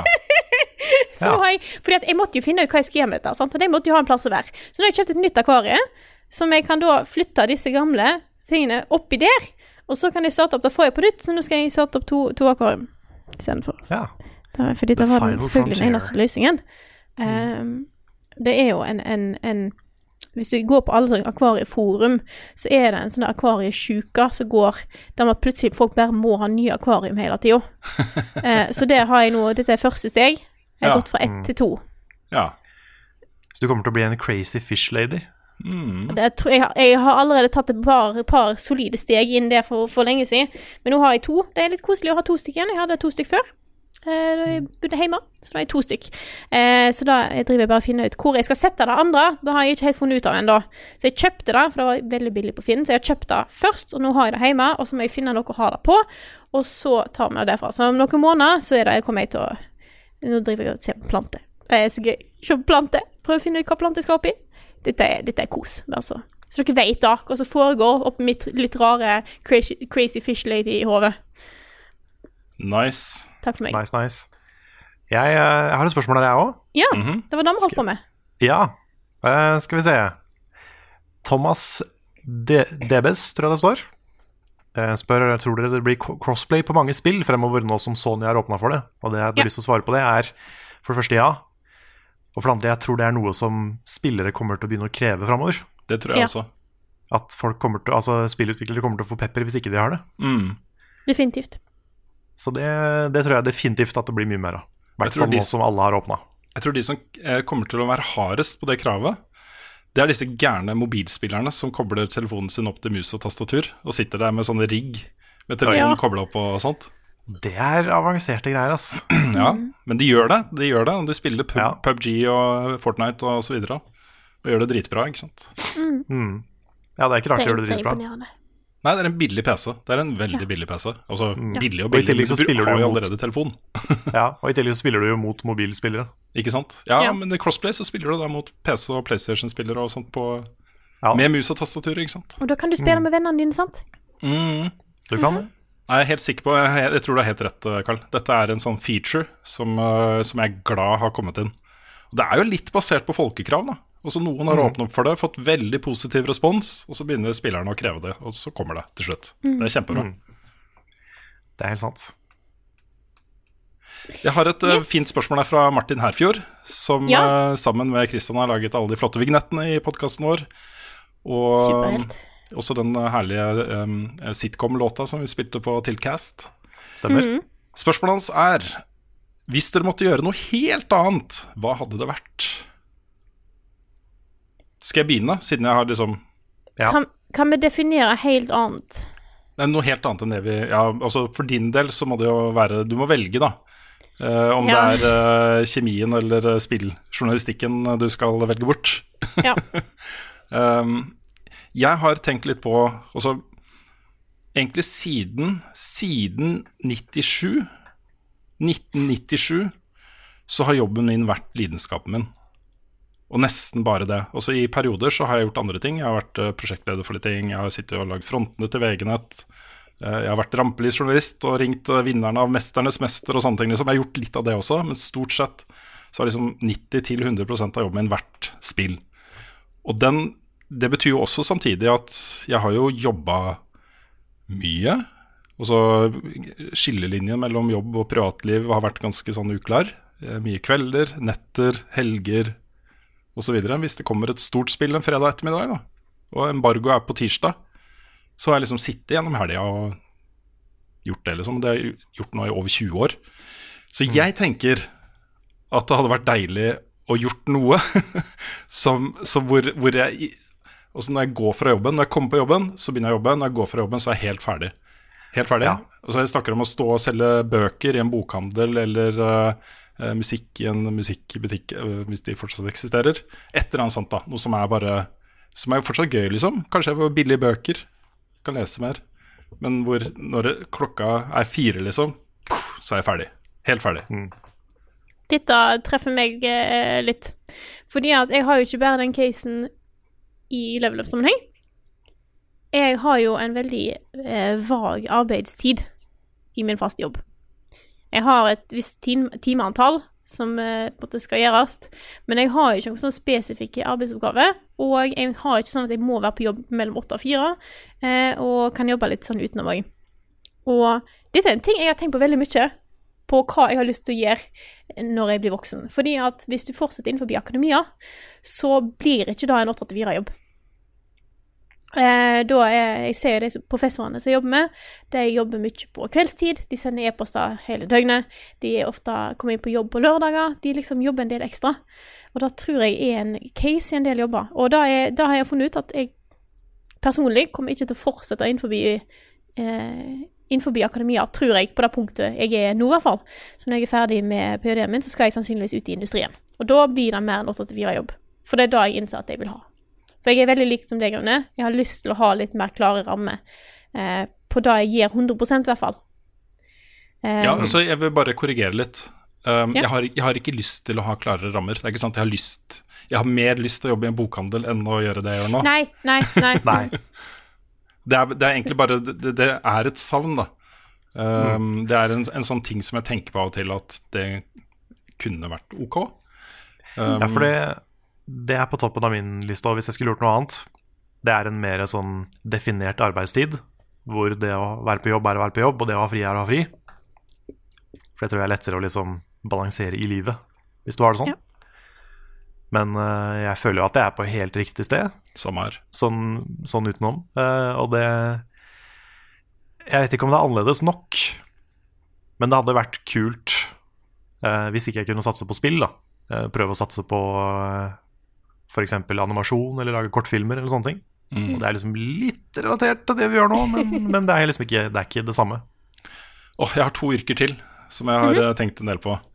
Eh, Det ene er noe som jeg kunne litt før, i hvert fall. Eh, Det andre er noe jeg ikke kan i det hele tatt. Uh, Det, kunne, altså, det, det var et punkt uh, i min karriere hvor jeg hadde et valg. Jeg kunne velge å gå grafisk design-retningen eller journalistikken, og jeg valgte journalistikken. Men det var, sånn, jeg var så nære også at jeg drev og fylte ut søknader til Rhode, Rhode, Rhode Island Institute of Design og sånne svære, flotte designskoler rundt omkring. da. Hadde veldig lyst til å gjøre det. Jeg syns det er kjempegøy. Jeg er veldig glad i god design, grafisk design. Uh, Det er noe jeg syns er veldig spennende. da.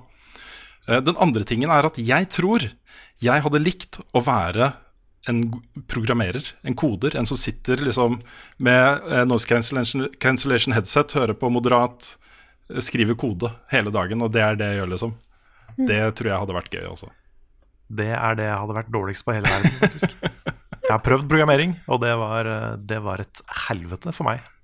Ja, men jeg er litt glad i den derre re repeterende tingene fra grindinga ikke sant, i Destiny og sånt. Det er den, liksom, du, du, sitte og Ja, Jeg liker programmering. Jeg vet ikke om jeg hadde klart å gjort det fulltid, men eh, ja. Mm. Nei, jeg, eh, hvis jeg skulle tatt noe yrke òg, så ville jeg eh, Jeg ville gått for noe som var kreativt. Um, fordi selv om du kan si at i hvert fall Altså, da den level up-jobben er i hvert fall kreativ, så er kan du, så vil jeg si at forskeryrket òg er veldig kreativ tenking. Du er nødt til å tenke på nye måter, prøve å finne ut hva er det som på en måte, hvordan løser problem. Eh, jeg hadde en periode før jeg begynte å tenke på at jeg ville jobbe med vitenskap, så ville jeg bli fotograf. Jeg har tatt mye sånn bilder og sånt, som jeg sier. så jeg tror kanskje da hadde vært noe jeg hadde likt. Jeg har òg slått tanke på grafisk design, sånn som deg, Rune. Litt fordi at jeg har jobba en del med det i den avisa jeg har- er, medlem i her oppe i Trondheim. Uh, Ja, det er, bare si, ja. det er, det er uh, eh, ukesnytt for Akvaria-eiere, ikke sant? Som den avisa du snakker om. ja, ja. Mm. ja, ja. Nei, eh, jeg tror jeg, jeg, sånn, Hvis jeg skulle på en måte valgt en sånn drømmejobb som jeg tror jeg hadde kost meg mye med, så hadde det vært å jobbe i f.eks. Eh, fulltid akvarie i Bergen. Da tror jeg jeg hadde vært liksom Da hadde jeg kost meg med. Nå har jeg jobba på dyrebutikk i ti år, så det står meg litt nære. Men eh, jeg vil bare få sagt da, da at jeg nevnte liksom åtte til fire-jobb. Eh, jeg liker jo veldig godt den level up-jobben jeg har nå, som er jo veldig på en måte, når jeg har tid sjøl. Eh, grunnen til at jeg tar opp dette med 8 til 4 jobb, er fordi at det er en ting jeg har tenkt veldig mye på personlig, fordi jeg er nødt til å ta et valg om tre år, hva jeg har lyst til å fortsette med. Eh, så det er en case, da. Så jeg på en måte sier ikke at eh, Det var ikke for å si at, liksom, at du, Rune, sikkert heller vil ha en 8 til 4-jobb enn level up-jobben. Det var mer da at jeg faktisk Det er et ståsted jeg må tenke på. Mm. Jeg, jeg kom på noe annet da som jeg har lyst til å gjøre. Ja. Hundehotell og hundeoppdrett. Ja! ja. Ka- Kanskje være liksom ansvarlig for den der eh, rådyrøya i Japan, f.eks. ja. ja, Skal man gå og klappe rådyr hele dagen? ikke sant? Det Jeg må, si, jeg, jeg må si, Rune, det er bildet av deg som er og klapper hunder Jeg tror jeg aldri har sett deg så glad. Nei, Nei, men det- det er Vet du hva, det er jo en av hovedgrunnene til at jeg har lyst på hund. For jeg blir gladere rundt en hund. Jeg er et lykkeligere menneske av å være i nærheten av en hund og kunne klappe på en hund, og en hund som har lyst til å leke med meg og sånne ting. Det gjør meg til et gladere, lykkeligere menneske. Mm. Ja, jeg ser den. Jeg ser katt. Snart. Ja, Nei, jeg altså, vet ikke når. jeg skulle ønske jeg bare hadde konstant tilgang på kattunger. Mm. For det, Det er bare liksom Ja, det er jo det. Mm. Men en ting jeg ikke vil, det er å gå tilbake til å jobbe på elektrobutikk. ja. For det var Det, det har gjort, og det holdt. Mm. Mm. Det er derfor jeg nevnte bokhandel, fordi der kommer jo folk inn gjerne med en nysgjerrighet rundt, øh, rundt hva slags bøker Altså De har kanskje et utgangspunkt i hva slags bøker de liker å lese, så det, i den grad de spør om ting, så spør de jo har du den og den boka av den og den forfatteren, eller jeg liker den og den forfatteren, har du noe du kan anbefale? Altså Det er den type spørsmål de kommer med. da, ikke sant? Du skal ikke prøve å prakke på de så mange bøker som overhodet mulig i det øyeblikket de kommer inn døra. ikke sant? Nei. Nei, for kanskje, liksom, kanskje du egentlig har lyst til å anbefale én forfatter, Ja. men så får du mer provisjon for å selge den andre forfatteren. Ikke sant? Og så I tillegg så må du kjøpe forsikring på boka i tilfelle den blir våt. Ja. Og sånn sikkerhetsavtale, sånn at du kan komme inn og liksom teipe boka hvis den blir får noen rifter i seg, f.eks. Oh, jeg er veldig glad i bokhandlere også, og det jeg liker best med bokhandlere, er de hyllene hvor det står uh, Rune anbefaler. Ikke sant? Eller ja. de ansatte, de som jobber der, har plukka ut sine personlige favoritter som står på en hylle med en kort tekst de har skrevet om boka. Det kunne jeg elske å gjøre, altså. Og så kan, du- kan du bruke akkurat samme bilde som du brukte i VG-sidene. sånn cardboard cutout av deg på sida. Ja. Åh, det har vært herlig. Samme som armene i kors og kanskje noe sånn bokrelatert på T-skjorta, da. Plutselig så bare gjør du akkurat det samme, bare med bøker. Ja. Plutselig så bare read up. ja, read up, ja. Ja herlig. Jeg tror vi må Skal tenke på å runde av, ja. folkens. Jeg tror vi runder av der, jeg. Eh, så jeg vil si tusen takk til alle dere som støtter oss på Patron. Dere er flotte folk. Vi kunne ikke klart oss uten dere. Og til, hvis vi ikke hadde hatt dere, så måtte Rune begynt med read up og ja. Ja. Måtte det. Ja. Jeg vil også, når, når du nevner det, så vil jeg også nevne det, det jeg liker best med å ha sånne shows som vi hadde på Tiltcast. Det er jo å møte folk, snakke med folk. eh, Ofte folk som vi ikke har møtt før, eh, men også folk vi har møtt før på andre events, og som kommer bort og sier hei, vi støtter dere på Patron og, og sånt. Og så snakke med dem og bli litt Ja. bedre kjent med dem. Jeg syns det er så hyggelig, og vi kommer jo derfra med massevis av nye bekjentskaper og, eh, og sånt. Og det er, eh, det er så stas, altså. Det er det. Det har sett å sette et, et ansikt på et brukernavn. Mm. Du har lov til å komme bort til oss sjøl når dere ikke støtter oss på Patron. Ja, Ja, det er også lov. Det er også lov. Og så har jeg sett folk skrive at okay, på en måte var, de, de, var, angrer på at de ikke turte å gå bort og si hei, eller et eller annet. Bare kom bort. Bare Vi er- kom bort. Vi er som regel hyggelige. Ja, Vi er, vi er bare helt vanlige svette nerder. Ja. Og det er ikke farlig å snakke med oss, altså. Nei, vi er litt sosialt kleine, vi òg, så det er helt innafor. en av de er jeg kanskje de mest ja, ikke sant? Mm. En av de jeg snakka mest med på, på Tilt, er nå på vennelista mi på Steam. Og vi skal spille Destiny sammen. Nice. Jeg fikk jo møtt masse folk som bare måtte Både i level-sammenheng, og jeg fikk møtt folk sånn som eh, Andreas Hedman, og faktisk få hils på, på liksom Stian Blipp, og kjekt å se eh, liksom Og så fikk jeg sett igjen masse folk som jeg snakka med på forrige Tiltkast. Mm. Kjempehyggelig. Ja, veldig ålreit. Så, mm. så yeah. Det er rart, det er rar, rare disse parasosiale forholdene, altså. Ja, det er det. Jeg Det er det. Det er veldig fascinerende. Mm. Og det er derfor det er kjekt å faktisk få, få, få møtt deg som, som hører på. Mm. Faktisk eh, for meg. Ja, jeg føler at føler at jeg- jeg snakker liksom til ingen av og til. Sant? Så. Men grunnen til at jeg ofte blir klein uh, når jeg liksom møter noen, Mhm. det er det greia at det fins veldig få liksom utbredte sosiale regler for hvordan man skal snakke med noen som vet hvem du er, men du vet ikke hvem de er. Mm. Ja. Så den er litt vanskelig. Men det er alltid hyggelig likevel. Altså. Det er liksom bare Det er jeg som personlig som blir usikker på hva jeg skal si noen ganger. Og så vet ikke jeg på en måte, hva er det forvent... Hva, jeg, jeg er redd for at de har et inntrykk av at jeg er mer awesome enn da jeg er når, jeg, når de møter meg. Ja, Så jeg, får litt sånn, jeg stiller sånn krav til meg sjøl om hvor kul jeg skal være, og så angrer jeg på ting jeg har sagt i etterkant. Og jeg er Ja, ja. det er sånn Der brast sikkert den illusjonen, ikke sant. Nå, Ja. nå syns de bare at jeg suger. Fordi jeg, jeg sa det ene ordet litt rart. Og så møter jeg meg alltid når, liksom, etter vi har hatt et show, og da er jeg alltid mye, mye, mye mer energisk enn det jeg vanligvis er. Så blir jeg veldig gira, og da eh, føler jeg oppfører meg annerledes enn det the real me. Eller, ja. Ja, jeg merka ikke noe til det, Frida, men uh, Nei, man er jo alltid sin egen uh, strengeste kritiker. Man selvfølgelig. det. Definitivt. Men det var veldig kos. Mm. Så med da så vil jeg bare si tusen takk for oss. Takk for at du hørte på denne episoden her av Level Backup, og så snakkes vi plutselig igjen neste uke.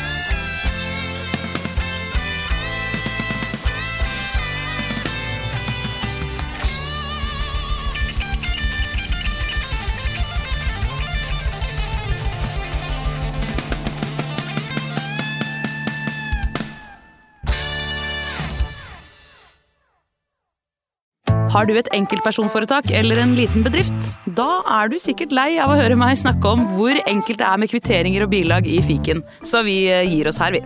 Fordi vi liker enkelt. Fiken superenkelt regnskap.